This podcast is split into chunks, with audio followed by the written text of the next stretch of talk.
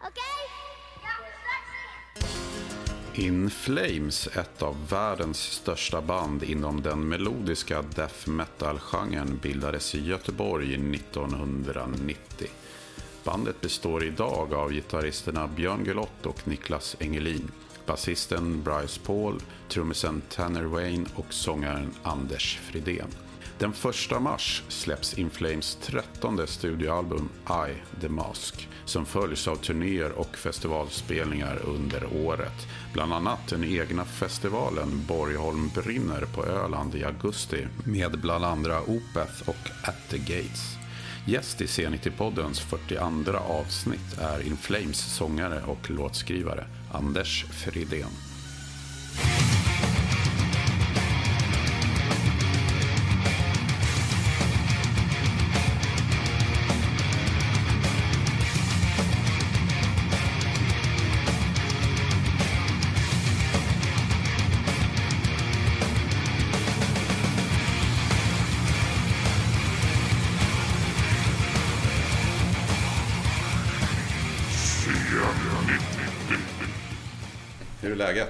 Jo, jo, men det är, det är jättebra. Eh, eh, och, åker runt bland alla möjliga, pratar om mig själv. Så, menar, och mitt band, eller vårat band. Så det är, Man blir lite mör kanske? ja, men det är klart att man blir det. Liksom. Men det är fan, herregud, det är en del av det och det är kul att, som jag, på riktigt, det är kul att någon lyssnar.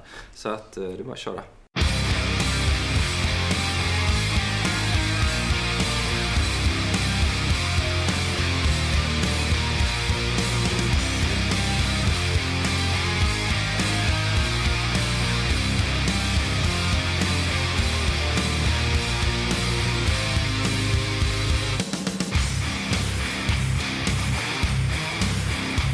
Men det måste jag tänka, man tänker ju alltid på det just det här med frågor. Det, det kan inte finnas någon fråga som, som du aldrig fått liksom. Det, och det måste ju bli, det jag tänker också just det här, även om det ingår i jobbet så att säga, att, att eh, det måste ju bli så många ofantligt samma frågor som ställs Jo, men, jo, såklart att det är så. Jag menar, det är ju inte så att jag, åh, jag går med i ett band så jag får göra intervjuer. Det är ju inte så. Men, utan det kommer ju med det. Men det är ju en del av det liksom. Mm. Så det är bara, det är bara ta det. Det är så mycket annat som är otroligt jävla roligt med det här yrket som man hamnar i. Så att Ja. det, det, det, fan, jag, jag köper det.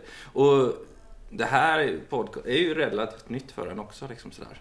Ja. Eh, och det är mycket roligare att göra, ha ett samtal än att, vad heter det, svara på But why? Sådana frågor hela tiden man kan få i vissa länder kanske. Varför gjorde du så? Varför gjorde du så? Varför gjorde du så? Man ska, ett, ett enda försvarstal känner man ibland så här. Så, så ja. Mm. Men vi snackade lite om det innan, just det här med hur, hur mediaklimatet, det var du som snackade om det. Mm. Hur det har förändrats. Ja, det måste ju vara rätt stor skillnad nu mot när ni var relativt nya och började göra mycket press och så. ja. Jag tänker att då kanske det var mer mainstream media. Ja, det börjar ju med underground för oss definitivt. Liksom. Så var det eftersom då var vi ju underground själva. Och sen så har det väl kommit allt annat. Och det är ju det är klart att det skiljer sig på frågor. Eh, men, men det är ju roligt, med, att göra med folk som har lite kunskap om genren ändå. Än någon som inte har någon koll alls. Liksom. Man, då känner man nästan sig fånig ibland. Och man måste bara förklara saker som är så jävla givna. Liksom. Och de ser på hårdrock och hårdrockare som idioter. Liksom, här. Bara för att vi spelar i den här, med det här, liksom, har de här uttrycken. Liksom. Ja. Men det måste ju bli nu också just med, med, med poddar och sånt, att det måste ju ha kommit mycket mer. Ja, Fast jag har, inte sånt. gjort så, jag, jag har inte gjort så mycket idag. Nej. Jag har gjort, gjort mer än jag någonsin har gjort idag. Ja. Så att, eh, ja nej det är nytt. Men jag tycker, jag lyssnar ju på det själv. Alltså, det är jävligt härligt liksom, just det här samtalet. Det är Ja. gött att när man sitter och flyger någonstans och eh, lyssna på, på, på det och så här. Så, ja. Mm. Har det blivit någon whisky idag? Inte idag. Nej? Nej, det är alkoholfritt idag faktiskt. ja, det är bara ni som sitter och dricker öl här. Jag sitter, själv dricker jag ginger beer då. Det finns ingen alkohol i den här. Nej, just det. Att, eh, mm. Nej men du har, ju- du har ju ett genuint intresse vad jag har förstått Ja, liksom. jo, men det har jag. och, och jag. sådär. Ehm, Kanske skulle ta upp med mig en flaska. ja förresten. det hade fan varit snyggt liksom. Ni får ju säga till Jag men då vet vi det. Jag ber Jag ursäkt. vet inte nästa gång. Nästa gång. Vi ses nästa vecka. Exakt. Nej men alltså hur, hur... ehm, är är det liksom ett kontinuerligt samlande och eh, jag vet att du liksom köpt så här från, det har varit auktioner och sådana grejer. Är det någonting som är hela tiden igång att man spanar efter nya grejer? Och... Jo, både ja och nej. Alltså jag har väl lugnat ner. Alltså, jag handlar inte lika mycket längre. Och det har mer med utrymme att göra. Att jag har liksom inte plats. Nej. Bara. Och sen så blev det det att man köpte och köpte och sen blev det det flaskorna, det blev, det blev så opersonligt. För det, då blir det bara mängden och det inte, blir inte liksom... Jag, jag vill ju mysa med dem. Jag vill ju det blir per, per, personligt förhållande till den. Låter, låter kanske konstigt men... Och om man bara får hem dem, ställer dem på hyllan, ställer dem här, så det blir liksom, det tappar den glädjen. Eh, Så lugnar jag ner mig lite på det. Eh, Sådär. Men jag, fan, jag har ju fortfarande samma intresse för det. Ja. Jag hinner inte bara med att åka och hälsa på destillerier så mycket som jag gjorde ett tag.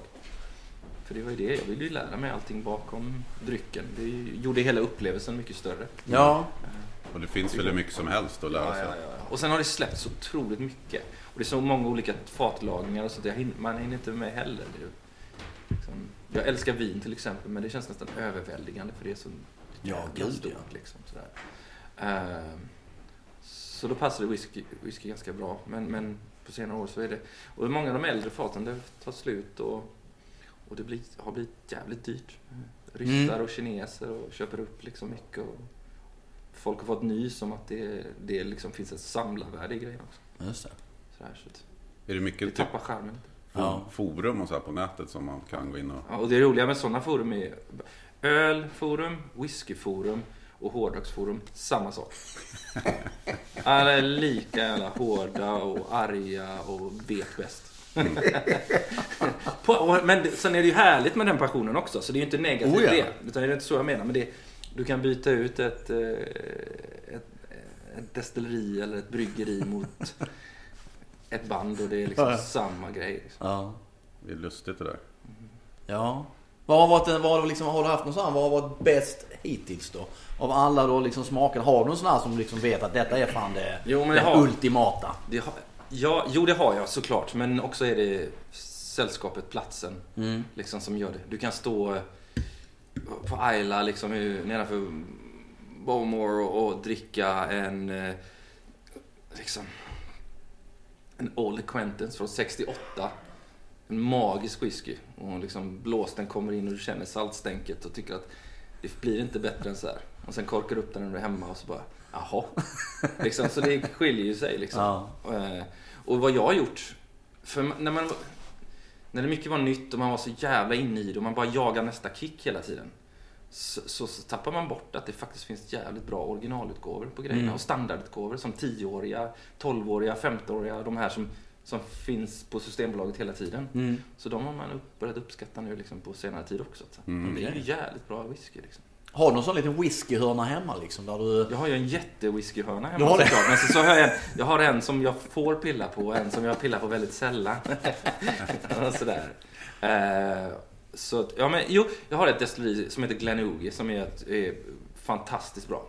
Eh, och deras 60-talslagningar, 70-talslagningar och sånt där, de är helt grymma. Och det går, de är svåra att få tag i. De, det, är, det är självklart auktioner för det, är, de, det finns inte längre. Det är nedlagt och liksom rivet och sådär. Eh, och så finns det lite andra grejer också. Men mycket tillfället, sällskapet. Ja, Ja.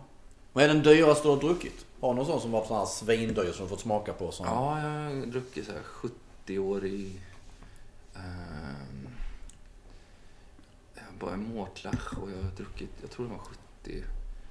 Och en Glenlivet som var 70. Jag har någon sån här smakprov, jag tror bara en centiliter så här kostar 3 och 4 tusen någonting. Så, Ja, så det, jag tror flaska i sig kostar kanske 150. Jag kommer inte ens det är så löjligt. Ja. Men det var man fick, man fick vara med på en exklusiv provning någon gång. Det var jävligt, roligt. Men det, det är också, du blir så påverkad av det där. Om du Mm. säger det till så här, "Åh, det här är... Ja, dra vilka liksom, superlativ som helst. Ja. Då sitter man ju där, oh, wow. Säkert, man vill ju gärna att det ska vara så. Och så, ja. Har du smakat eh, Metallica sån här Blacken där de använde Nej, spelade musik för att det skulle bli liksom någon... Det måste vara otroligt viktigt för whiskyns utveckling. Exakt. Det har ingenting med gimmick alls att utan det är bara liksom... Jag tyckte det var helt jävla underbart. Men det är klart, fan. ja det är ju det är härligt. Ja, verkligen. Så jag undrar alltid det just med, för ni, ni har ju släppt eh, gin och sådär också. Ja. Eh, och eh, jag minns när, när den första kom så var det, det var någon polare som skrev faktiskt. Vad fan, varför kallar de inte den för Gin Flames? För det är så jävla det var för mycket. Göteborg. Ja, det är så jävla... Jag tror fan att det har passerat våra huvuden liksom. Men det är så här... Det måste ju nästan vara det första som kommer Ja, upp. bara, Ja. Nej, så tänkte jag då. Jag skämdes nästan för mig själv att för det, det är inte okej. Så nej, nej, det blev inget med det. Nej. men det är också jätte... Också det där intresset bara. Ja. Och tillfälligheten och möjligheten att få göra det. Liksom, så här. Ehm, och, och det var väl en anledning att jag startade med bryggeriet och ölen. Det är för att det går mycket snabbare att få resultat. Whisky är ju härligt men du måste ju lagra det i tre år innan du ens får kalla det whisky. Liksom. Och gin är också mer direkt och du kan krydda det på lite olika sätt och påverka det på ett annat sätt. Liksom, sådär. Eh, Så det- det var mer hands-on. Och för det är det som är viktigt också. Allting vi gör, det, eh, det är ju liksom, då måste vi vara involverade. Det jag kommer aldrig slänga på etiketten bara på sån där grej, bara för att liksom. Det blir inte som Kiss liksom. Eh, Kiss får göra som de vill. så, men nej. Det tänker jag inte göra. Eh, utan jag, jag är med och provar från början till att det hamnar på flaska. Liksom. Ja. Men det är ju så intressant hur den marknaden har blivit bara de senaste åren. Just Mm. det här med att, att det är så ofantligt många band som, inte bara sprit utan man hittar nu, det är massa andra grejer som man liksom branchar ut i att, Ja. eh, eh, som, man, som namnet sätts på så att säga. Eh, Vilket väl går ihop med, med situationen för skivförsäljning och liknande. Ja, jag man- tänkte säga det är ju en, det är ju en annan form av merchandise. Ja. Men sen så är det också till, alltså just att jag gör det, det, det är ett så jävla mycket liksom mö, det är ju, ja, jag, jag, jag får lov att göra det. Det är så Ja. jävla roligt liksom. Ja. Bara, och då passar jag på att göra det liksom. Ja. Det är, det är inte svårare än så. Sen är det Nej. ju såklart att kul att folk, om de vill dricka våra grejer. Det, och det ger lite uppmärksamhet. Liksom. Det skadar ju inte på något sätt. Nej. Men, men det är inte huvudsyftet med det. Utan det är bara nörderiet som är sådär. Mm. Mm. Sen märks det väl rätt snabbt tycker jag om det är något band som bara gör hakar på någonting just för att ja men det här kanske vi också kan kränga lite ja, det tror jag. medan ni har ett genuint intresse. Ja, Mm. jo, det kan man ju hoppas att det skiner igenom. Att folk förstår det. Jag- Man har bevisat genom åren jag menar, att det finns genuint intresse bakom.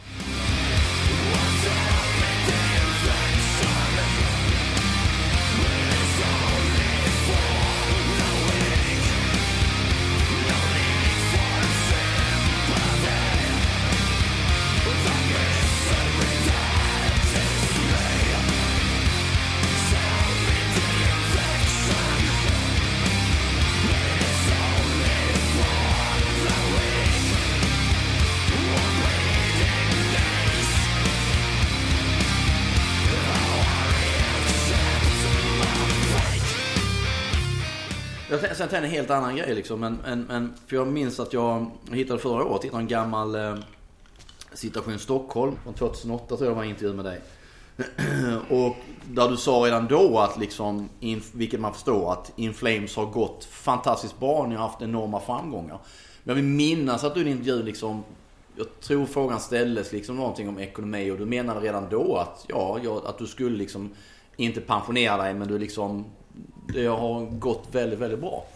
Jo, men det har gått bra. Ja. Så, det är klart jag har gjort det. Eh, sen... Eh, Svaret på den frågan är ja. Ja men det är klart. Jag menar, det, det, det, jag, tror, jag kan inte lägga av idag och så Nej. kan jag leva high life till jag dör. Liksom, nej, det kan jag inte.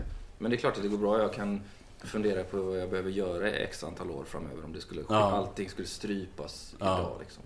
Så är det ju. Ja. Och jag menar, jag sp- sp- spenderar ju inte till höger och vänster heller på så här onödiga... Jag har det, klart jag har det bra. Mm. Mm. Och jag kan ja, köpa, Köpa dina whiskys. ja, så om jag vill äta något gott. Jag har liksom funderat på det om sakerna och sådär, men sen... Fan, måste ju... Jag har ju barn, jag får ju, jag får ju inte... De måste ju få, höll jag på att säga. Och man, kan inte, man får lära dem ett och annat. Ja. Men det är ju också hur, hur bara en sån grej med, med, eh, med familj och så här också. Man är borta så jäkla mycket som ni ändå kan vara i omgångar. Mm. Liksom. Det måste ju vara svårt emellanåt. Eller liksom hittar man någon, man Jag hittar tror- någon rutin i det också förstås. Ja, men- jag tror alltså det, skulle man kasta sig in i det idag så klart det skulle vara annorlunda om man hade liksom familj och det är jävligt mycket som påverkar. Men de, vi har hittat våran grej, hur så det funkar för oss. Mm. Och de har vuxit upp i det och det är klart att de saknar mig och jag saknar dem och så vidare. Eh, men ja, än så länge funkar det. Skulle det, den saknaden och all, att det inte funkar, ja men då får man ju titta på något annat då.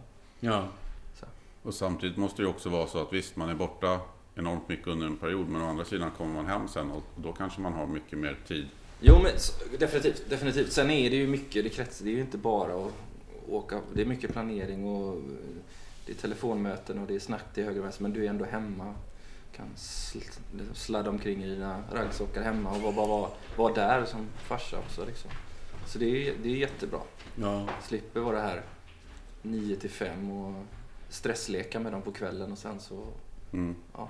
Ja. Så det, det är ju bra. Ja. Och nu ska ni ju iväg på en eh, turné rätt snart till eh, Nordamerika, Ja, Kanada. vi har två, två stycken turnéer efter varandra då. Med rätt späckat schema tyckte jag det såg Ja. ut som. Så. Ja. Hur, hur pass bra standard och bekvämt är för er då när ni ska åka? Det, det är bekvämt.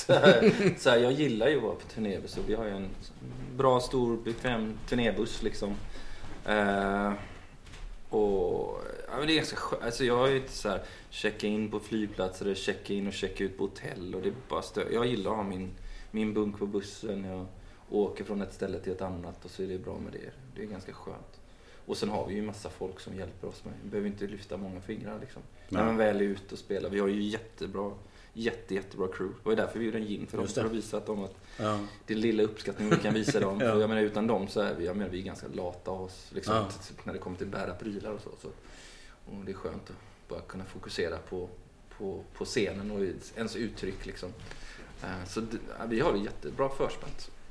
Men det måste ju också bli, alltså det måste vara en enorm bekvämlighet detta är liksom, fan man tänker man åker utomlands eller var man nu är någonstans och så är, är det faktiskt folk omkring dig. Du behöver egentligen inte tänka på någonting. Mm. Utan det är alltid någon som ser till att fan nu är det mat eller nu ska du dit och nu ska du göra det och så. Ja. När man sen kommer hem efter en längre sån, tar det, tar det tag innan man liksom kommer in i Nej, men då gör ju vardags. frun likadant. De bara, nu ska du göra så, nu ska du göra så. nu ska du- Det är ingen skillnad. Ingen skillnad. Annars går det inte. Annars går det inte. ja, men, nej, men alltså, det, det, det har väl några dagar där, där du ska liksom du ska ändra det. Du kan inte ropa på din assistent liksom. Utan du får faktiskt göra det själv. Eh, Men det är bara bra. Det är ju det som gör att man har fötterna på jorden också. Ja. Så du kommer ju ner ganska snabbt liksom. Inga Ja. jävla divalater hemma. Det funkar inte. Så att eh, jag tycker det är, det är ganska skönt. Ja. Landa snabbt i det privata. Liksom. Ja. Men också hur ser det ut rent liksom om, om man jämför liksom USA och så här. Märker ni att ni liksom hela tiden också att ni verkligen ni går framåt, ni tar nya områden eller vad man ska nu kalla det för och sådär. Eller hur, hur ser den marknaden ut jämfört med Europa och Norden Ja, men så att Europa säga? är ju större än vad vi är i USA. Ja. Så vi har ju större, större spelställen och Mm. större produktion och allt sånt där. Men det, det går ju bra. Vi har aldrig satsat på en marknad. Vi har satsat liksom på världen. Mm. Så och på det sättet, jag tror inte, faller det ena så behöver man inte börja om på det andra liksom. Och sådär. Eh, och eh, sen går ju allt i vågor också lite sådär. Ibland är man jävligt inne och ibland är man jävligt ute. Eller så har det riktigt så eh, högt och lågt har det inte varit. Men ändå liksom sådär. Eh, så, nej men vi, vi, kämpar på, har kul och det, liksom, det kommer ju folk när vi spelar så Mm. det, det är bra.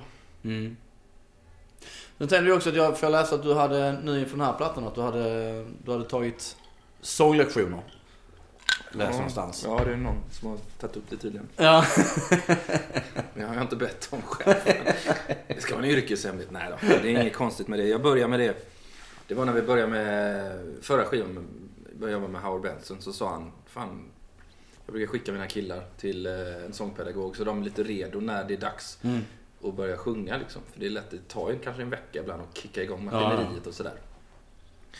Eh, och jag var väl ganska skeptisk innan sådär. Fan, jag kan bäst. Liksom. Eh, men du vet. Och hela, hela grejen, vi, vi var ganska, ganska ter eh, territoriala när det gäller våra egna grejer. Så här, sången och det ska vara på en plats och gitarrerna, det sköter sig och så möts vi sen och beskyddande liksom. Och det har jag hela tiden trott att det är In Flames, den här, det lilla, det som finns emot varandra, alltså emot varandra, men det, den gnistan har skapat det som är In Flames. Och sen när jag, man, då, tvunget liksom, då både jag och Björn, liksom, nu får vi släppa det. Ska vi jobba med Howard Benson, en sån, den typen av producent, då är det så onödigt att hålla på med det här jag vet bäst. Mm. Det är både pengar i sjön och tid och allting. Kan vi lika gärna göra det själva. Och då var det så att, ja, fan, jag ska testa några sånglektioner. Och det var ju mycket roligare än vad jag trodde. Alltså, och det är så mycket mer än att bara stå och liksom la la la la la bredvid någon som står och spelar piano. Ja. Du lär dig hur du andas, du lär dig hur du tar hand om rösten. Uh, alltså det är lite yogapass i sig liksom. Jag får Mm. göra andningsövningar varje dag. Och, och, och liksom man, ja, det är hur man ska förbereda sig, hur man ska tänka mentalt liksom när man ja, du sjunger en vers och så ska du upp till en hög refräng och liksom, så ska man tänka på ett visst sätt och liksom, ja, inte hetsa för mycket inför det. Och, ja, men det är så. Så eh, inför den här skivan så sa jag, men fan jag ska sa till min management, man ring och kolla om samma kille, Mark Rank heter han, eh, är ledig. Så eh, vi gör många fler. Så då gjorde jag tre, tre gånger i veckan i Mm. tre månader. Så gick jag Ja, dit och höll på. Och det är ju rent nörderi igen. Alltså det är samma, nästan som med det här med spriten och med, med vad det än jag håller på med. Mm. Det är bara, jag är bara intresserad. Jag är inte ska inte ställa upp i Idol eller ställa upp vid du vet, världens bästa sång. Jag jämför mig inte med någon annan på det sättet. Bara för att jag själv är så jävla intresserad av Mm. vad, vad jag är kapabel till. Mm. Vad jag kan göra.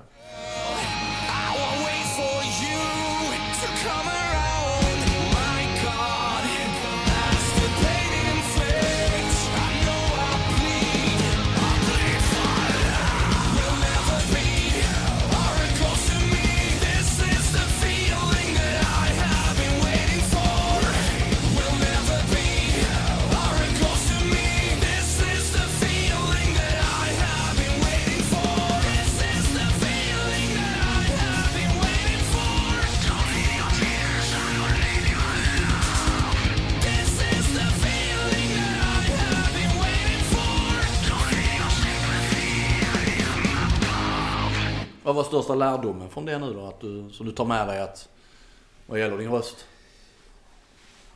Att jag inte ska vara ute på krogen jävligt sent och försöka överrösta den som spelar musik ute. Det förstör inför nästa dag. det är en lärdom. Eh, nej, men sen är det... Ja, men just det här som jag sa, man ska inte tänka för mycket. Du ska liksom låta... Är du förberedd? Tänk dig en så här höjdhoppare som springer framåt och ska hoppa över två meter.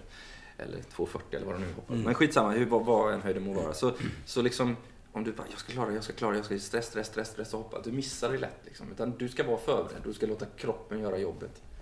Och det ska nästan gå av sig själv liksom. Som rinnande vatten. Och då har är du förberedd där och mentalt förberedd så då kommer du fixa det. Mm. Istället för att oroa dig liksom en, vers innan för vad som komma skall. Ja. Eh, ja, så, så, sen så är det väl bara det att man har tänjt på, liksom, hittat.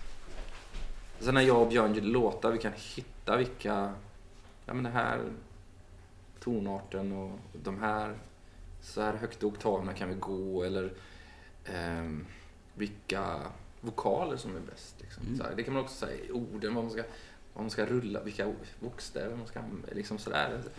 Så det, men sen glömmer jag det när jag ska skriva på rimmen. Jag menar i alla fall.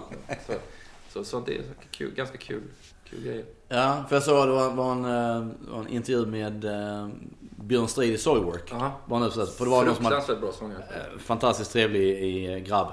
Eh, och... Eh, Det också, han är väldigt trevlig förutom en mycket, mycket. Ska vi säga. Han är mycket, mycket. Nej men det var det just nu häromdagen att någon hade ju ställt en fråga som vad, vad gör en bra sångare? Och då pratade han någonting om just det här med att ehm, det han pekade på var verkligen att uttala varje ord även när det är growl och liknande. Och sen så tror jag en jämförelse med, med eh, det var Tom Araya som, som alltid liksom har skrikit mycket men ändå tryckt mycket på att liksom vara noga med att uttala orden så att Jo. säga. Så, så är det väl. Det är väl inget man tänkte på från början så, men sen har jag väl allt eftersom. Jag ville ju låta som Millie Creator från början, det var ju det. Och jag vet inte om man hör vad han sjöng. I alla fall, jag gjorde inte det då i alla fall. Eh, och jag tycker han fortfarande är grym, så det är ju inte det. Men, men det är man just det här att man ska höra vad man säger, tycker jag har varit viktigt i döds, liksom, svängen också då för mig. Eh, Men sen så måste jag säga, jag tycker ju det att det egen identitet är viktigt. Att inte liksom, ja det är klart man kan ha idoler och man kan så här, men fan, det, de unika sångerna, jag, det är jag, liksom, jag vill att folk ska höra att det är jag. Istället för att jag försöker låta som då Björn eller Mm. Lance låter. Ja men det är så här. Eh, och, och så här, ja jag, jag, fan.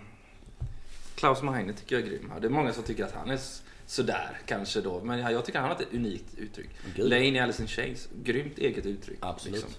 Eh, så, och som Mariah också. Nej men det finns jättemånga som har sina egna uttryck och det, det är... eh, För mig är det nästan viktigare. Viktigast liksom. Än att man sätter Det är så lätt att sätta dem bredvid varandra. Att den Ja. här kan sjunga perfekt sådär, sådär, sådär. Och, och det har väl alltid varit viktigt tror jag för mig i studion att hitta Kanske, kanske inte ett pitch korrekt i alla sekunder, men där känslan finns där. Liksom. Så att även om inte du fattar ett ord av vad jag vill säga så kan du ändå känna det kanske om du är lite intresserad av Ja. vad musiken ger dig. Liksom. Det är ju det uttrycket då. Men det är så intressant i och med att du nämnde Idol och det här liksom. För det, är ju totala motsatsen. Där det handlar mer bara att liksom... Det handlar bara om du ska låta som alla andra. Och det, man tänker mängder av sångare idag som, som är professionella och liknande och har en karriär skulle ju antagligen inte klara av att ställa upp i Idol. För de har blivit bortröstade direkt. För att det jag liksom, inte komma vidare första Nej exakt, det, det är så liksom. fascinerande här liksom. Det, det, det blir bara en bred Ja, men det, handlar inte, det handlar inte om det. Nej. Så Där försöker du inte få där försöker du inte få fram ett band som ska hålla på i 20 Nej. år. Det är ju en kort, snabb produkt bara. Ja. Som, och sen kommer nästa. Så det, handlar inte om, det handlar inte om det alls. Nej. Det är intressant som du var inne på, tycker jag, för det har man hört från flera, det här med att när man är ganska ung i början av karriären, att man tycker man vet bäst. Ja. Att man kanske då ägnar mycket studietid åt att tjafsa med en producent. Och sen efteråt så har man förstått att fan, han kanske hade rätt. Och, och nästan ångrar sig lite. Ja, jo, men det så här, vi hade ju sluppit många bråk inom bandet kanske om vi hade varit, varit lite mer ärliga mot varandra och slutat. Och då menar jag inte att andra med. Jag jag var ju likadant själv. Utan jag var så här, det här, ni kommer inte in när jag håller på att göra sång och säger att jag ska testa något annat. För då har ni förstört hela min dag. Och liksom, det där är ju inte helt. Alltså. Det, det är ju inte bra egentligen. Liksom.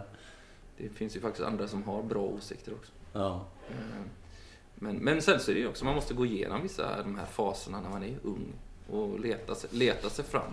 Man har ju sina idoler, man börjar med lite covers och sen så, så letar man sig fram och hittar sitt eget uttryck.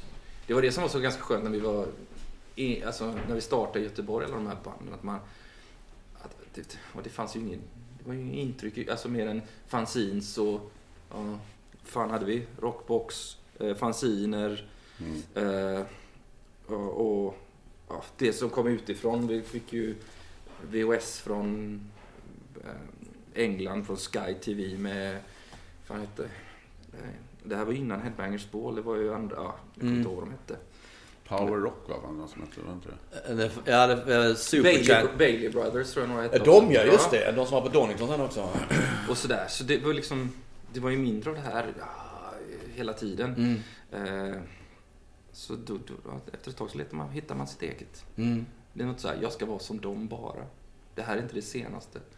Hänga, för trenderna liksom var mycket längre kändes det som. Ja, det, eller det- trenderna fanns inte ens kanske Nej. nästan. Nej. Utan, och för det också det är viktigt att så här, man inte ska jaga trend. Då är man ju all trea, fyra på bollen. Ja. Man måste ju ha integriteten också. Även om det kan ställa till det för en, att just att det blir tjafs och sånt där, så är det ändå jävligt viktigt att den finns där. Ja, jo, jo, men det är precis, precis. Det är därför tycker jag det är jävligt kul att se alla de här banden som håller på i, som börjar då när vi höll på Amon och Arch Enemy, Opeth, uh, At the Gate, Soilwork, uh, Dark Tranquility. Alla, jag for, fortfarande håller på och kör på och gör Mm. bra plattor liksom, Mm. fortfarande. Och har sitt egna uttryck och hittar sina grejer. Mm. Jag minns, jag, jag intervjuade hon, eh, men hon känner till henne, Melissa Cross som är sån här stor Ja, men det är någon sångpedagog. vocal coach? Ja, precis. Jobbat med Corey Taylor och massa Ja. annat. Men hon sa något jätteintressant. Det var ju så här också att det, det fanns ju ingen röst som typ inte gick att rädda. Eh, Utan hon menar att allt handlade om allt handlar om träning och teknik och så då kunde man i stort sett fixa allting. Och det var jävligt intressant. För då pratade vi lite om det var när Guns N' Roses då hade återförenats med Axl Rose som några år tidigare då hade låtit ganska illa. Men helt plötsligt lät mer som han gjorde då på den gamla goda tiden. Hon sa att hon var fullt övertygad att han har säkert gått hos en coach och lärt sig liksom då, inte vet fan vet jag, andas på rätt sätt igen eller någonting Ja. sånt där. Det var jäkligt intressant att, att höra. Jo, nej men det, det, är, det är viktigt att ta hand om det. Men det är inte bara att gå upp och ställa sig och gapa och skrika. Nej. Särskilt inte om man ska hålla på hålla liksom, i månader efter månader efter månader när man är ute och spelar. Ja. Jaha. Nya plattan. I the Mask.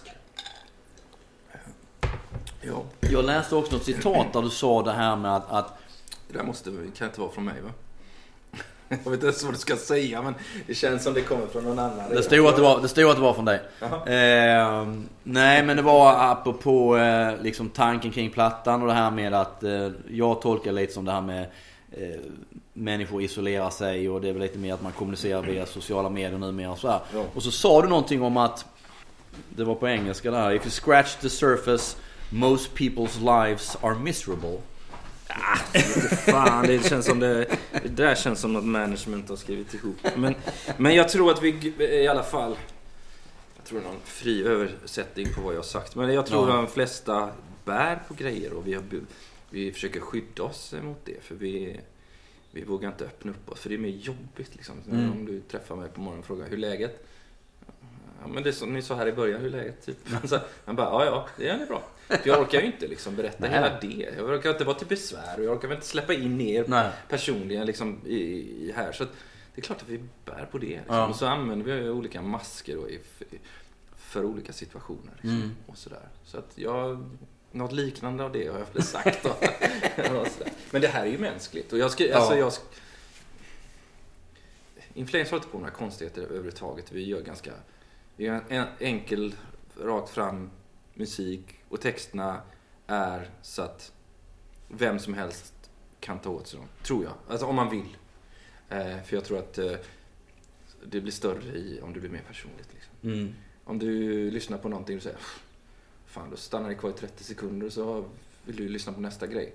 Men om det blir personligt, du känner musiken, känner texten. Ja, men då kanske vi stannar kvar hos dig då i några år Mm. istället. Ja.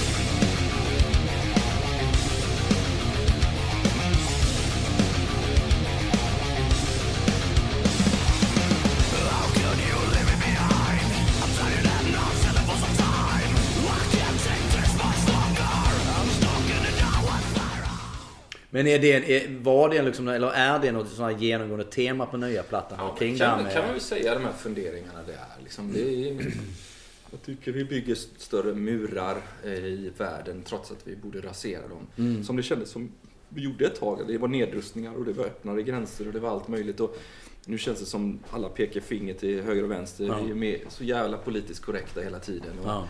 och, och det är ett jävla tjafs bara liksom. Eh, och det blir stressigt och ser, man har barn själv. Tänker man, vad är det för jävla värld den ska växa upp? Men så kanske våra föräldrar tyckte också. Nu råkar man vara där själv bara. Absolut. Eh, så. Eh, men ja, och så vi visar upp den här fina fasaden på, på nätet. Och så kanske vi går omkring då med svarta hål. Det var ju häromdagen, tror jag, jag såg inte det själv, men jag såg att det skulle vara några så här YouTube-profiler som pratar om den verkligheten bakom den vackra Ja fasaden. just det, det stämmer. Någon dokumentär ja. Jag, Mm. jag såg bara någon, Mm. jag tittade inte på den, men såg bara någon kort, det stod någonting om det. Och jag, men jag tror mycket är så. Liksom. Det, är, det är ju inte lätt liksom. Nej, det är, och det är jag faktiskt. Jag har ju också, jag menar jag har ju barn själv, två döttrar. Och det, det är ju ganska intressant att se hur, hur de interagerar eller kommunicerar med sina kompisar jämfört med hur jag gjorde. När man gick och knackade på hemma hos någon och få, få Pelle komma ut och leka liksom. Och så Ja. hade man en, en, en kontakt med eh, föräldrarna automatiskt där också. Nu så är det ju att de kan ju liksom eh, vara hemma en hel dag eh, och inte vara utanför dörren. Men, och man kan fråga, "Han, ska man liksom inte, ska ni inte vara ute med någon kompis? Och så här liksom. Men då är det ju att, då sitter de och chattar hela jävla dagen och det är WhatsApp och alla såna här grejer. Och för dem är det liksom att, att hänga med varandra fast man Ja, inte det gör är ju deras verklighet såklart och det har väl alltid varit så generationer Ja. pekar på. Nej exakt, men det är Så- jättefascinerande. Så är det, men det kan, det, eh, jag tycker det är intressant att diskutera det. Liksom. Och utifrån alla de här grejerna så kommer de här små historierna, eller vad man ska säga, det som är i varje låt. Mm. Reflektioner skulle jag vilja säga snarare. Det är ju ingen historia från A till, Nej. A till B. Nej. Men också hur, hur jobbar du? För nu var det du och Björn som var, det var och ni var där ganska bra tid. Ja, Eh, tre månader ja. höll vi till där. Men, men hur jobbar du och Björn när ni, när ni sätter er ner och skriver liksom? Är det att sitta i ett rum rakt emot varandra Ja, och så bara fila fram grejer? Ja, i stort sett. Vi bygger upp en liten skrivarstuga liksom. Mm. Med, med en dator. Du spelar inte in på tape, utan du spelar in det på dator. Ja. Och så gitarr och en sångmick. Och sen när andan faller på så Mm. gör vi grejer liksom. Och i början brukar det komma ut lite skit som man aldrig gör något med. Och sen så börjar man hitta liksom formulan för den här skivan. Eh, Och ibland kommer det två låtar på en dag, ibland tar det tre, Mm. tre dagar för att hitta en låt och sådär. Och, och jävligt skönt på det sättet att man... Visst, det är någon form av tidspress såklart. Att det är, men man känner egentligen inte av det. Liksom, utan vi gör det och så går vi in i studion, spelar vi in och så spelar vi inte in för långa dagar. Det var också en sån grej vi gjorde förr. Man spelade in hela nätterna och så drack man massa sprit och öl och var helt färdig och så gjorde man nästa dag igen och så höll man på sådär. Eh, nu är det liksom... Dricker jag ingenting när jag spelar in. Förutom kaffe och vatten. Kaffe är skönt för halsen. Nej, det är helt fel. Det ska man inte heller dricka, Nej. säger min sång gång. Men i alla fall. Eh, och, och sen så kan man gå tillbaks på kvällen sen och, om, om, om man känner för det och fortsätta jobba liksom sådär. Mm. Och vi... Tillbaks till det jag sa förut, att sl- släppa lite på, på kontrollen. Då, då är han med och tittar på sångmelodier. Jag är med och gitarr, inte för att jag spelar gitarr, men han, för det gör han en miljard gånger bättre. Men man är med och pratar om känslan, pratar om riffen, pratar om arrangemangen, pratar om allting. Liksom sådär. Eh, och sen så, då så skriver jag riktiga texter när Mm. jag har hittat fraseringen av melodin. Och, för det är ju bara tramstexter från början, liksom, bara för att komma Mm. framåt. Liksom. Mm. Så det är mycket givande och tagande fram och tillbaks. Och det som är bra är att vi vet båda två när vi ska spela in. Liksom, det blir inga överraskningar. Nej. Förr var det ju så här är sången, take it or leave it. Liksom. Det skulle jävligt mycket till för man gick in och ändrade den för att någon tyckte någonting. Då surade man hellre och så fick man som man ville till slut. Liksom. Och det är också så här fel egentligen. Men det är så lätt att sitta och tänka på det nu. Ja. Men fan LA, är inte det liksom där? Det måste finnas hur mycket som helst som pockar på ens uppmärksamhet i LA liksom. Jag tänker soligt och skönt och... Jo, men det är ju det är skönt. Liksom. Det ska, det, hellre spela in i shorts än i vinterjacka och bantar. Ja. Så att ja, visst är det så. Det är bra, grymt liksom. Vi har massa god öl och eh, emellanåt då, tagningarna ska jag återigen säga. Och så, så barbecue som ständigt rullar i trädgården och en pool och så. här. Så det, det är jättehärligt på det sättet. Ja. Och med, men praktiskt är det ju för att Howard bor där. Jo. Det är ju därför. Liksom. Han sa kom hit och så sa vi hmm, ja, sa vi då. Då slipper man liksom vintern i tre månader. Det är Ja. ganska härligt. Blir han er eh, Bob Rock nu då? Eh, Det blir platta efter platta efter platta. Jaha, ja, det, ja alltså, just nu känns det skitbra men jag, som sagt jag trodde aldrig jag skulle sluta spela in med David Bergstrand för han kände jag, det var liksom min, min gubbe. Så det tror jag aldrig. Och, och, och så, nu gjorde vi det nu, nu gör vi med, med Howard. Det känns skitbra. Hela hans team är, det är så jävla effektivt också för att det och har man en idé så tar det inte så jävla lång tid att få ner det på tejp. Um, ehm, det är liksom massa gitarrförstärkare uppkopplade till massa lådor med massa olika mickar redan. Så du stoppar in en sladd och så känner du att det här känns inte okej. Ja, men då tar vi nästa. Istället för att man ska hålla på och fila på ett ljud i två timmar och sen har man tappat hela känslan. Liksom. Så de har verkligen lärt oss att bli mer effektiva. Men jag tänkte också du sa, du sa innan vi började snacka så var det just det här med att du, du, liksom, du ser ju Det var plattan ju som bara en... för att vi var off-tape jag sa det. Här får inte ta tillbaks. Nej. Nej men du sa det här med plattan som att du vill att, att, att eh, folk ska lyssna på den från, från början till slut. Ja, det tycker jag är viktigt. Ehm, Om man, alltså igen, ja, vi är ju mycket medvetna om den värld vi lever i. Det är en Ja. stre- streamingvärld och exakt. snabbmats Göra egna listor liksom, och allting sånt där. Ja. Det, så, så är det ju liksom. Man lyssnar 30 sekunder nästa, nästa, nästa. Och så har man på så. Men, men jag i en, i en perfekt värld så vill jag att folk ska stänga in sitt rum med helt grymma lurar och lägga på vinylen och vara helt, inte stressade och lyssna på det. Ja. Sen kan man berätta om man gillar det eller inte gillar det. det fine, men allt det här har sin plats. Liksom. Voices som är först på plattan, det var, det var det första vi gjorde i stort sett. Efter den här, den här skiten hade kommit ut som jag sa. Och då när jag hörde öppningsriffet så bara, där, där är det. Det är det vi ska ha. Och sista låten Stay With Me, var det sista vi gjorde. Så att allt däremellan är det, det är ett flöde. Och eh, det är så vi tänker. Dynamik från låt till låt liksom. Mm. Har skivbolaget någonting att säga en sån? Nej, Ingenting? aldrig haft. Nej. Mm. Management, skivbolag, ingen har någonting med det. D- Däremot gör de ju jätte, har ju jättemycket med allt som händer efter. Mm. När vi mixade, vi har mastrade, vi lämnar in det, så släpper vi det. Både till vårt skivbolag och till fansen och allting. Då, då kan inte jag påverka det längre. Så det är lika bra att släppa det. Och så Mm. ser jag fram emot nästa skiva istället. Därför kommer det aldrig, om ni skulle ställa frågan vad tänker du? Vad, vill du göra om något? Nej, det är ingen idé. Liksom. Nej. Nej. Och så liksom, folk ställer gammalt mot nytt och sådär. Man bara, ja, ja, det är dumt. Mm. Det spelar ingen roll. Nej. Du kanske inte var redo för den skivan då. Nej. Kanske tycker om den nu. Jag vet inte. Nej. Så. Eh, Det någon är är nu... väl något som har förföljt er lite grann just det här med gammalt ställs mot nytt hela Ja, tiden. vi, vi, vi hör det när vi har intervjuer. Mm. Jag läser ju inte några liksom, kommentarer och sånt där längre. Det var ju ganska många år sedan man lusläste vad som det stod om en.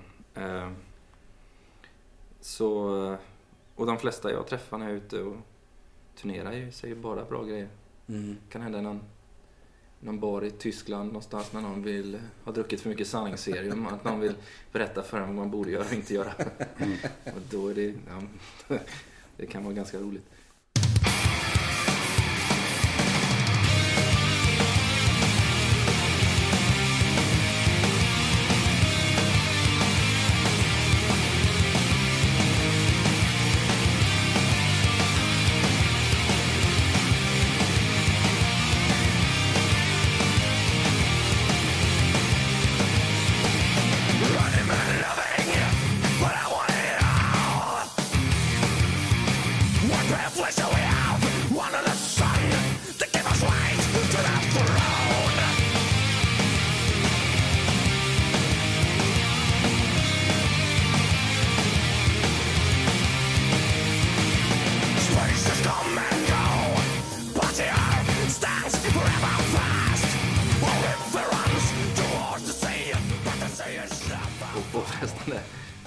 Men annars så är det liksom, ja, det är ju, vi har hållit på så länge så det, jag förstår att folk, men du kan gilla en låt, du kan gilla en platta och det är ju fine liksom. Jag kan inte göra något annat än att bara, bara göra det vi gör. Nej. Det känns som att det på något sätt, det sitter i genren så hårt just, just med hårdrock. Att det här att Ja. om, om någon har upptäckt ett band med första skivan, då, då måste det på något sätt låta som det. Liksom, för annars ska man opponera sig. Ja. Och det är även yngre band som jag pratade med Tribulation om det till Ja. exempel. Och de har ju exakt, nu har ju i och för sig de gjort ganska stora eh, förändringar på varje Mm. platta så. Kan man väl säga. Men de har ju också haft det här att de möter fans som "Ja, varför kan inte spela hela första Ja. horrorplattan liksom. Jo, så, ja men, ju, alltså, jag menar, man är ju inte bättre själv. Liksom, jag, de första plattorna, jag menar, fan, första plattan man hör med vissa band, det är ju, det stannar ju. Ja. Till skillnad, jag, jag vet inte hur ni gör, men jag går inte in på forum och skriver om Nej. det. Utan, Nej. då lyssnar jag bara inte liksom. Nej. Så är det fine med det. Sen tycker jag att det är så jävla härligt med sån passionerad fanskara liksom. Det är ju det någonstans som drog in en i metal från första början. Men jag trodde ju inte det fanns några regler när jag, i början. Sen har man ju förstått att det ska finnas på massa av de här. Vad man borde göra och inte göra. Liksom. Men är man fast i det så då tror jag då kommer man inte hålla längre. Eh, hålla liksom, man Nej. kommer inte göra en lång karriär. Nej. Frågar du 100 pers vad du ska låta som så får du 100 olika idéer och så det blir ju jätteskitsad platta. Liksom. Ja. Ehm, och sen är det viktigt när man, vad händer med ett fan när de hör den plattan? Vad är de då någonstans? Så, är du 20 år och hör Yesterdays första gången när det begav sig? Vad fan, vad är det? 25 år sedan Ja. liksom. Det kanske har hänt mycket med dig som person då. Du kanske inte gillar Ida Mask. Liksom. Det är fullt förståeligt. Mm. Liksom. Åker inte hem till dig och förklarar varför du borde gilla det. Liksom. Nej, Även men om det, det skulle vara jävligt kul och Ja. förvå- otroligt förvånad någon skulle bli... exakt. Knack, knack. Eh, nej men det, det är jätteintressant kanske då också just med hårdrocksgenren. För det är det, antingen så, med, liksom med fans oftast, antingen så ska det ju låta som det gjorde förr. Eh, men gör då ett band det, att man liksom går tillbaka lite, ja men då, då, då får bandet skit för det. Gör man någonting som skiljer sig kanske mer markant från det man har gjort. Ja, då, då får man skit för det också. För då låter det inte som det gjorde en gång i tiden. Så det, ibland känns det som att det är liksom, det är fan lose-lose hur man än gör. Jo, det, nej, men det är väl lite så. Man får ju se det liksom. Det är bara att ge upp. Liksom. Det går inte att liksom, försöka och liksom... Alltså, man får bara göra vad man kan och man tycker det är bra själv. Och sen så får man ju vara glad om folk lyssnar. Liksom. Men sen så tycker jag också, jag måste trycka på det, man är ju liksom, det är ju sån jävla härlig community också. Liksom. Och det är otroligt passionerad publik och man får ju inte glömma att det är utan publiken så finns man ju inte. Nej. Du kan ju stå hemma och traggla i replokalen men det är inte så jävla roligt vecka ut och vecka in liksom. Alltid. Nej. Mm. Men jag tänkte också i och med att vi, vi, eh, vi gjorde ju nyligen en, eh, en podd med Ika Mm, Johannesson. ja, ja. Mm. Eh, och vi pratade lite om den här tiden. Samma område utanför Göteborg. Exakt. Eh, vad minns du av den tiden så att säga? När ni, det, liksom, det lät ju fantastiskt härligt när hon pratade om det. Liksom. Hon, hon sa just det också att det var ganska fascinerande hur många i liksom, det här stora umgänget som ni var. Hur många som gick vidare till att bli mus- musiker, journalister och, och liksom framgångsrika sådana som gjort ett namn för det. konstnärer. Det var jävligt intressant. Ja, det var ju många som tittade snett på oss då. Men de... Där fick de. Ja. Nej men det var ju ett jättehär... det var ju ett härligt gäng och liksom, Ja. man kände sig jävligt fri liksom. Och det var mycket Slottsskogen och folköl och, och liksom musik i både boom, ja, boombox och liksom sen gå på valvet eller andra ställen då som Mm. spelar liksom. Det är jävligt häftigt. Alltså, men sen är det ju det är lätt att titta tillbaks på det och tycka att allting var så här, man Det glömmer så här man rosa glö- skimmer över det Ja, man vis. glömmer ju av det någonstans. Men Ja. det är ju det är en jävligt härlig tid att ha varit med i. Just Ja. eftersom många av de här banden då, och, och som ni säger, folk gick vidare till de här yrken. Men det var liksom... Banden gick vidare och blev stora utanför den lilla, lilla sfären som Mm. ändå var våran. Liksom. Mm. Eh, och man stod på sig trots allt. Liksom. Ja. Men var det mycket att ni pushade varandra och sådär också? Liksom? Ja, det var det nog. Man, man blir ju inspirerad av liksom... Av, någon fick en spelning där och sen så ja, men fick man vara supportakt där och sen sådär. Och man såg att band fick kontrakt och det var ju bara... Det var ju även utanför man såg liksom... En Tum Left and Path kom och Earache och liksom Dismember gick vidare till Nuclear Blast och Tiamat gick vidare till Century Media och sen fick At the Gates kontrakt med Peaceville och det var liksom... Bara, wow, fan det, det, är ju, det är ju fan möjligt ju. Förr var det ju bara de andra stora banden utifrån liksom. Ja. Sådär. Det, det kanske kan hända oss någon gång också. Så. Och det var ju första gången som jag upplevde det som det hände i Sverige. Och det var ändå band som hade egna uttryck som gjorde saker på sina egna villkor. Ja, Om man tittar på tidigare då hårdrocks eh, band eller vad man säger, olika vågor som det har varit sånt där så känns det som att då var det mer skivbolagsstyrt eller att det var mer marknaden som försökte hitta. mm. Här var det något som började liksom nerifrån och bara blev större och större. ja jo, det var det ju verkligen. Det var det ju verkligen. Och spelningarna blev, de lokala giggen blev ju större och större också. När liksom fan vad var det liksom? Var det Morbid Angel? Var det Unleashed och en tum på andra, på Clandestine tror jag spelade. Jag kan vart det. Som spelade i Göteborg. Och det var liksom, vet, alla från Göteborg var där och kollade. Det blir ju sån jävla fest liksom av Ja. allting. Och en Entombed eller de man, Stockholmsbanden kom ner och spelade. Det var, och man var med och supportade. Och liksom, det blev så jävla happening liksom. Mm. Och det var ju lite så här, liksom, vi mot, vi mot världen, lite den feelingen liksom.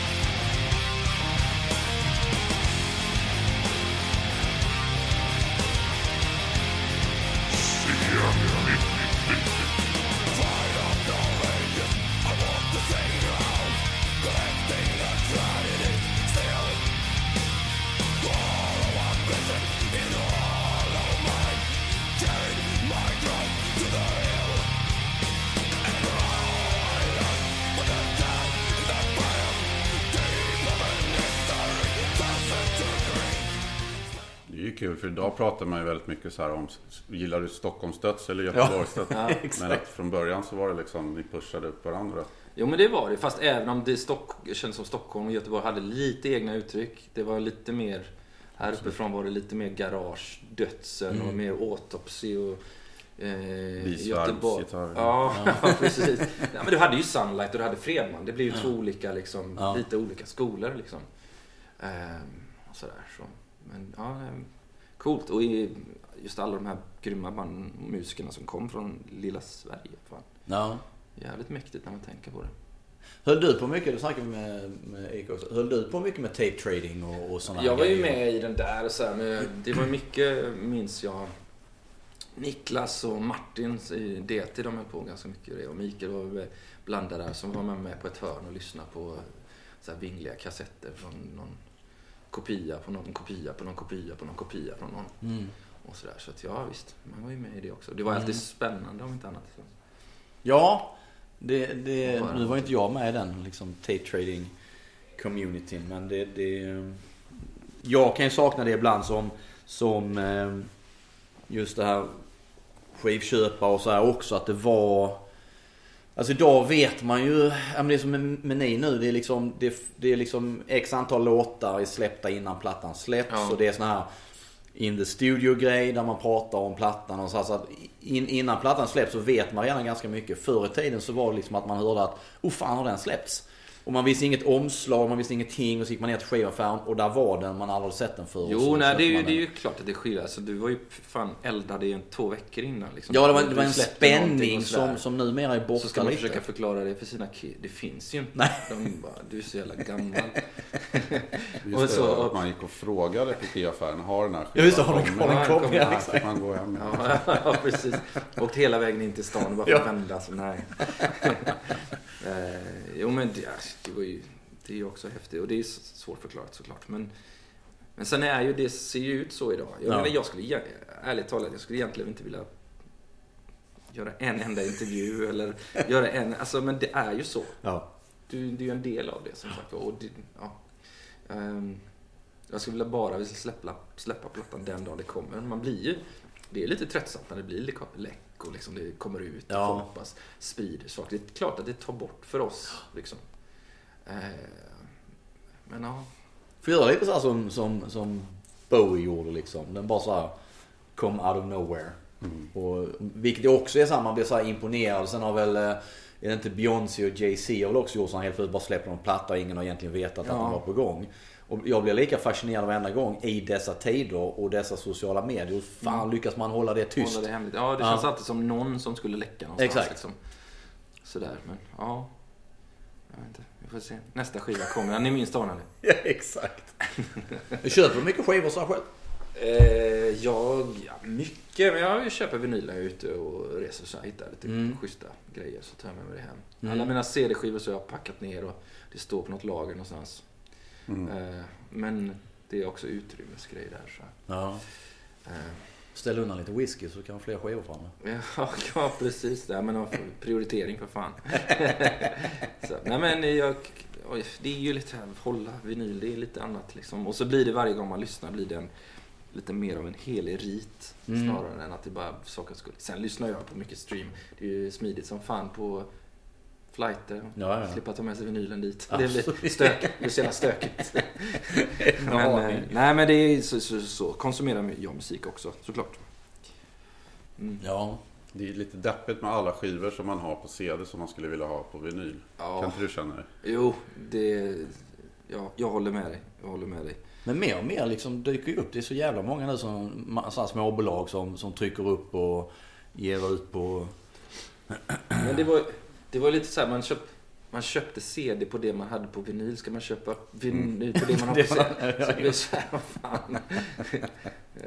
Nej, det är visst det... Jag vet det, inte hur man tänkte. Alltså. Man gick och sålde LP-skivor liksom för, att- för att man hade ont om pengar. Det ångrar jag bittert. ja, ja. Ja, men nu har ju alla, alla jävla hipsters har ju drivit upp eh, priserna på vinyl så det är helt sjukt. Och alla kollar Discogs, så det går liksom inte längre att göra några Nej. kap när man är ute liksom och letar i någon låda någonstans. Utan alla har fan full koll. Jo, ja, men det, så, så är det. Och det, det är ju ganska dyrt med, med vinylen. Men ja, ja. Ja, nej det är, det är ju som det är. Absolut. Sen är det kul att höra om så här nya studios och, som, eller vinylplants som startar. Det var ju något i Ja, nej, Göteborg. för ett tag sedan. Så det är jävligt kul när folk, Ja. folk, folk gör det. Att det, Verkligen. det händer liksom.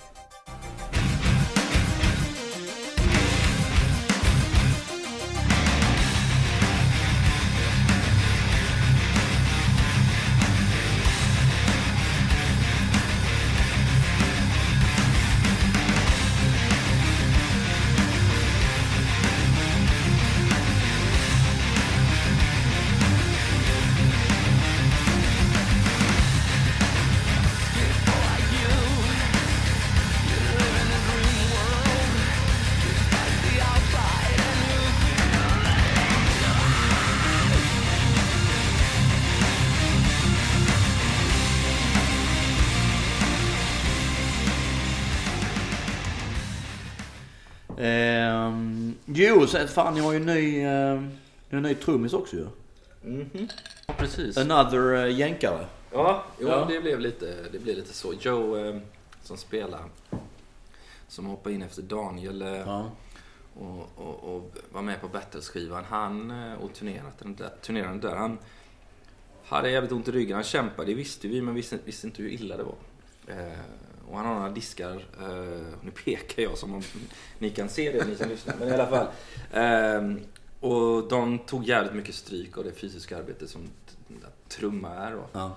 spela trummor. Eh, och jag tror han gick på ganska feta smärtstillande mot slutet. Liksom, mer än vad vi visste om egentligen. Ja. Så tre, fyra månader innan vi skulle åka till LA och spela in plattan så sa han "Nej, grabbar, jag kan, funkar inte det här. Liksom, jag kan inte göra det här arbetet det krävs. Jag kan inte ligga ute på vägarna i två år till och liksom, trycka. Liksom. För tydligen har han en jävligt ovanlig sjukdom, någon sjuk, något på ryggen då som är inte vanligt på, eh, hos unga. Men det går inte att reparera om man inte gör en eh, operation. Och då får man gå in liksom magen och sådär och det är jävligt besvärligt. Och det finns risk att man blir lam och sådär. Mm. Eh, och då sa jag, ja det var ju, vi blev ju ledsna såklart för det, vi kände fan nu är vi ett band igen och det kändes, det kändes svinbra liksom med han och med Bryce och Niklas och Björn och jag. Eh, men så sa vi, ja men du får, han ville spela in plattan och vi sa, ja men det är klart att du ska spela in plattan som sista liksom grej. Mm. Eh, och så när vi var ute med eh, Of Mice and Men när de var här eh, tillsammans med oss och Five Finger. Då var Tanner var trumtekniker till eh, Of Mice and Men. Så Okej. lärde vi känna honom lite som en eh, spjuver. Mm. Eh, sådär, visste ju inte riktigt hur bra han var som trummis. Men så sa Joe sen då att fan, jag tycker ni borde testa honom. Och det visade sig att han var en jävligt duktig trummis. Mm. Och då visste vi att han var grym på det personliga planet också. Så då, då gick han med. Så det var jävligt smidigt. Vi har haft jävla tur varje gång vi har bytt medlemmar eller någon har lämnat oss. Mm. Eh, att någon har kommit in och så här. Man undrar hur många gånger till man ska ha det här flytet liksom. Vi har ju haft alla, alla som har varit med i Inflames har gjort jävligt mycket för Inflames men sen slutar man av olika anledningar och sen kommer nästa. Det har inte varit någon liksom stövel någonstans utan Nej. alla har varit grymma.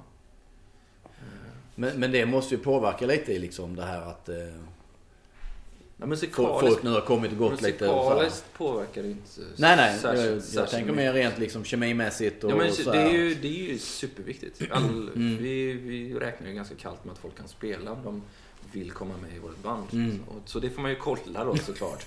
Men det personliga är ju nästan 60-70 procent. Ja. Eh, Så det är ju jätteviktigt. Och det är klart att det ändrar en viss dynamik och sådär. Men jag tror alla tillför någonting, någonting nytt liksom. Ja. Som tar en längre fram i karriären Ja. på ett eller annat sätt. Ja. Um, sen önskar man väl ju fan... Önskar väl jag att de killarna man startar bandet med att man skulle gått igenom hela karriären och avslutat tillsammans. Det, jag Mm. menar, I en perfekt värld så vill man ju att det ska vara så. Men det händer ju grejer Ja. under tiden, under Ja. resan. Liksom. Vad heter eh, Björn sa till mig i somras eh, när jag intervjuade honom att eh, det var han som lirar bas. På skivan, Ja. ja. Och det är var- ren enkelhet. bara. Ja, ja. Vi gjorde låtarna och vi kunde spela in det där. Och liksom slipper man lära upp någon annan. Sen tillför ju Bryce jävligt mycket live. Liksom. Ja. Sådär. Så, så är det. Ja. Bandmedlemmar har- kommit och gått och sådär. Men om, om det skulle dyka upp någonting som skulle göra att, att det skulle bli tveksamt för Björn. Hur skulle det påverka dig? Jag skulle göra slut också. Tror det får vara bra där. I så fall liksom. Där går gränsen. Ja, det går gränsen. Det går Mm. gränsen. Ehm, faktiskt. Mm. Det är, det är alldeles för stort för mig. Alltså personligen. Alldeles för stort. Så, faktiskt. Ja. Nej men det känns ju också som ni liksom att ni är jävligt tajta. Och dessutom att det är ni som då liksom även då skriver. Eh, ja, nej, vi har hittat eh, ett sätt som fungerar för oss. Liksom. Ja. Eh, och, och det var ju tvungen att vi hittade ett sätt som funkar för oss. För jag menar, Jesper var ju högst involverad i, såklart i allt Mm. vad låtskrivandet så hette när han var med. Och när han eh, valde att lämna så var vi tvungna att hitta ett annat sätt som funkar. Liksom. Och så då har vi tagit vid från det. Och så har vi gjort, skapat våra nisch som funkar Mm. bra för oss. Ehm, så nej, jag skulle aldrig kunna fortsätta. Jag, nej, jag vill inte. Och det skulle inte bli, det skulle inte vara In Flames längre. Eller? Nej. Och det måste man ju vara ärlig och säga mot sig, både mot sig själv och liksom alla att det... Det var 2010 som gitarristen, låtskrivaren och originalmedlemmen Jesper Strömblad meddelade att han lämnar In Flames för gott för att bekämpa sitt alkoholmissbruk. Ett besked som många In Flames-fans beklagade. Hela, det, hela den grejen med Jesper där var det ju mycket diskussioner om. Hur, nu när du har lite mer distans till det, hur ser ut? Tycker du att det kom ut på rätt sätt? Vad tänker du på? Hur menar du? Ja, men att det blev en, att den bilden som liksom förmedlades av hur allting gick till. Var, Nej men det nej, är ju inte... Vi har ju aldrig hymlat med hur det gick till. Han... Det fick... Hade väl lite jobbigt ett tag, alltså person, på personliga planet liksom. Och så valde han att, att stå åt sidan. Eh, eh, och sen så hade vi väl öppet kanske något år innan så att han verkligen valde åt sidan så att säga. Eh, och sen fortsatte vi. Det är ju liksom ingen skillnad. Vi har varit ärliga. Alla vet väl vad som har hänt liksom. Mm.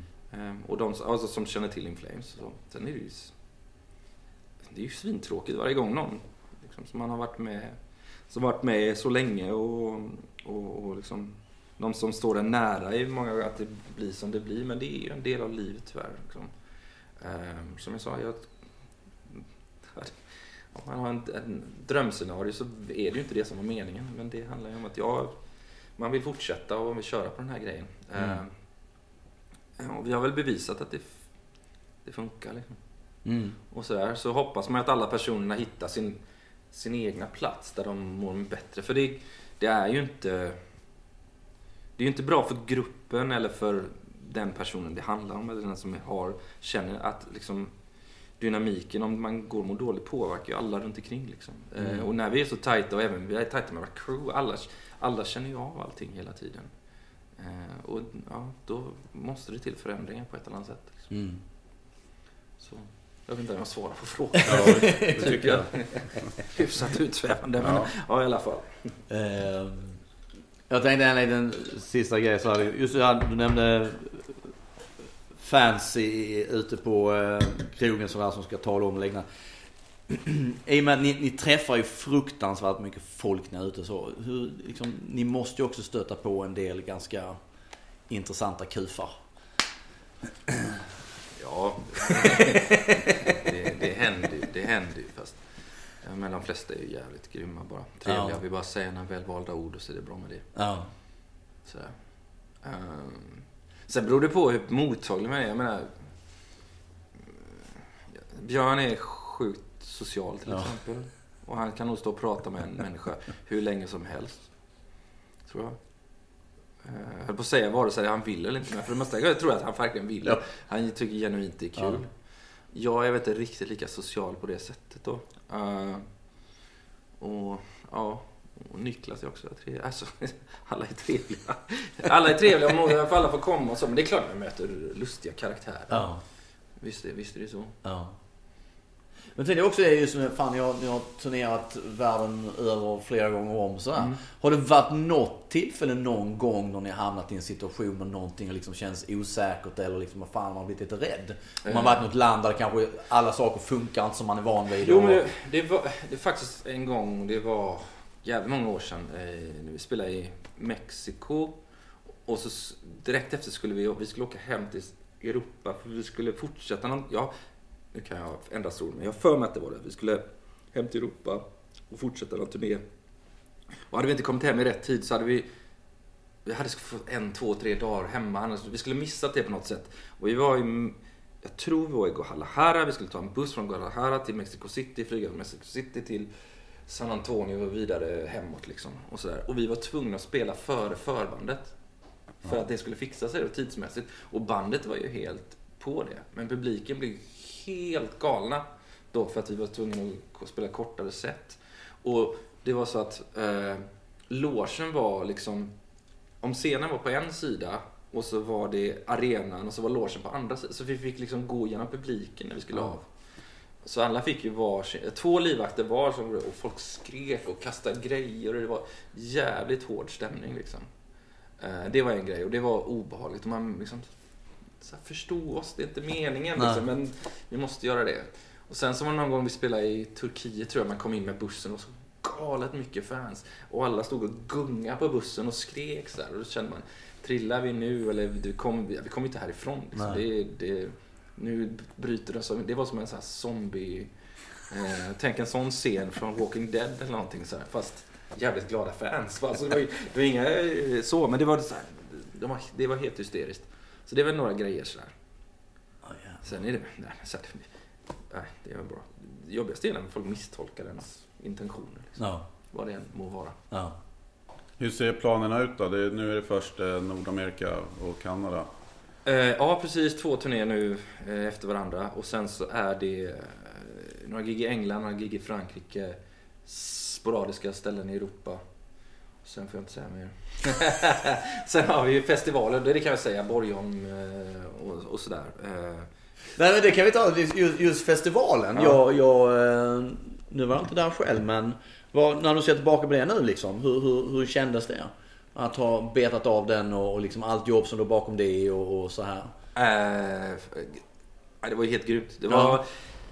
Det var... Jo men efter... Det var ju mycket, det är mycket jobb och så, men sen har vi många grymma människor som hjälper till. Vi är ju jag är mer idésprutor och liksom sådär. Och sen alla banden som spelar, det är ju våra... Vi väljer vilka band som ska spela, det är ingen annan som... Ja, det misstänkte jag Så- nästan så- när jag såg Ja. Borg, Borgholm brinner. Nej men jag gillar alla liksom. Det är... Lyssna på alla banden, så det är jätteviktigt. Kul Ja. att det var en ganska stor mix liksom. Ja, Danko Jones, Refuse, Ja. Tribulation. Ja, många är polare, eller sådana... Uh, känner inte jag Tribulation-killarna, men jag tycker det är ett fruktansvärt bra band till exempel. Så att det, men Danko och Race Fist och sådana, det är liksom sådana vi har känt. Och DT för fan, liksom så här. Eh, och flera av de andra banden, det är liksom så- det är polare. Eh, och så kommer det bli i år också. Eh, ja, men tanken med den festivalen det var att göra en där som jag tror att det var förr, förr, förr. liksom, man hade festival, det var en scen, bandet som spelade fick all fokus, folk gick iväg och rökte och gjorde annat och käkade och drack och fan man gjorde. Och sen kommer man tillbaka och kollar på nästa band liksom, när man har roddat. Det är lite så jag ville att det skulle vara. Mm. Och just Borgholm som en... Det blir... Man åker dit och är där och det känns som att det är vi mot alla andra. Det, är liksom, det händer här just, just nu och borgen i sig är ju skitcool. Liksom. Det Det är magiskt som gjort för fan hårdrock liksom. Eh, Det finns inte mycket tuffare än en gammal borg från Nej. mm, vad är det, en tidigt tusen. Ja. Ja. vad det nu kommer. Ja, liksom sådär. Eh, och ja, men det var grymt. Och vi spelade två kvällar. Första kvällen var... Kändes som vi inte kunde göra något fel liksom. Och publiken kunde inte göra något fel. Vi var en där. Det var en av de häftigare upplevelserna live vi haft. Och du har spelat inför mycket större publik. Men det har Ja. inte med det att göra. Utan det var... Liksom, man kände att man gjorde high five på de som stod längst bak. Och liksom, det var intimt. Även om det är så här 4 500 inom de väggarna så är det ändå liksom liten jävla spelning. Ja. Skit, skit kul. Eh, så då bestämde vi oss att göra det igen. Of course. Sådär. Så får vi hoppas att vi kan ha lite så här pyro och sånt där i år. För det var tanken, men det var ju för torrt. Liksom. Mm. Fick, inte, det. fick ju inte Torr sommar, ja. ja. vi, vi försökte ända in i det sista, men nej, kungen sa nej. Han som äger marknaden. Kungar på. Och så, ja, ja, han, kommer, han har en egen loge där, men han kommer aldrig. tycker jag är lite dåligt. Ja, det är jävligt dåligt. För fan. Och så, så och vi hade planen, vi hade ju gjort en grym meny också med massa god mat, pulled pork och burgare och allting. Men vi fick inte ens använda smokers. För det var, Ja, det var jag bajade på allting. Okej. liksom. Shit. Sådär, så att, mm, nej, det ska bli kul, och, kul att lira där igen. Trevligt. Ja, då får vi väl tacka. Ja, stort tack Anders att du ville vara med. Tack för att jag fick eh, sitta och prata med er. tack, tack.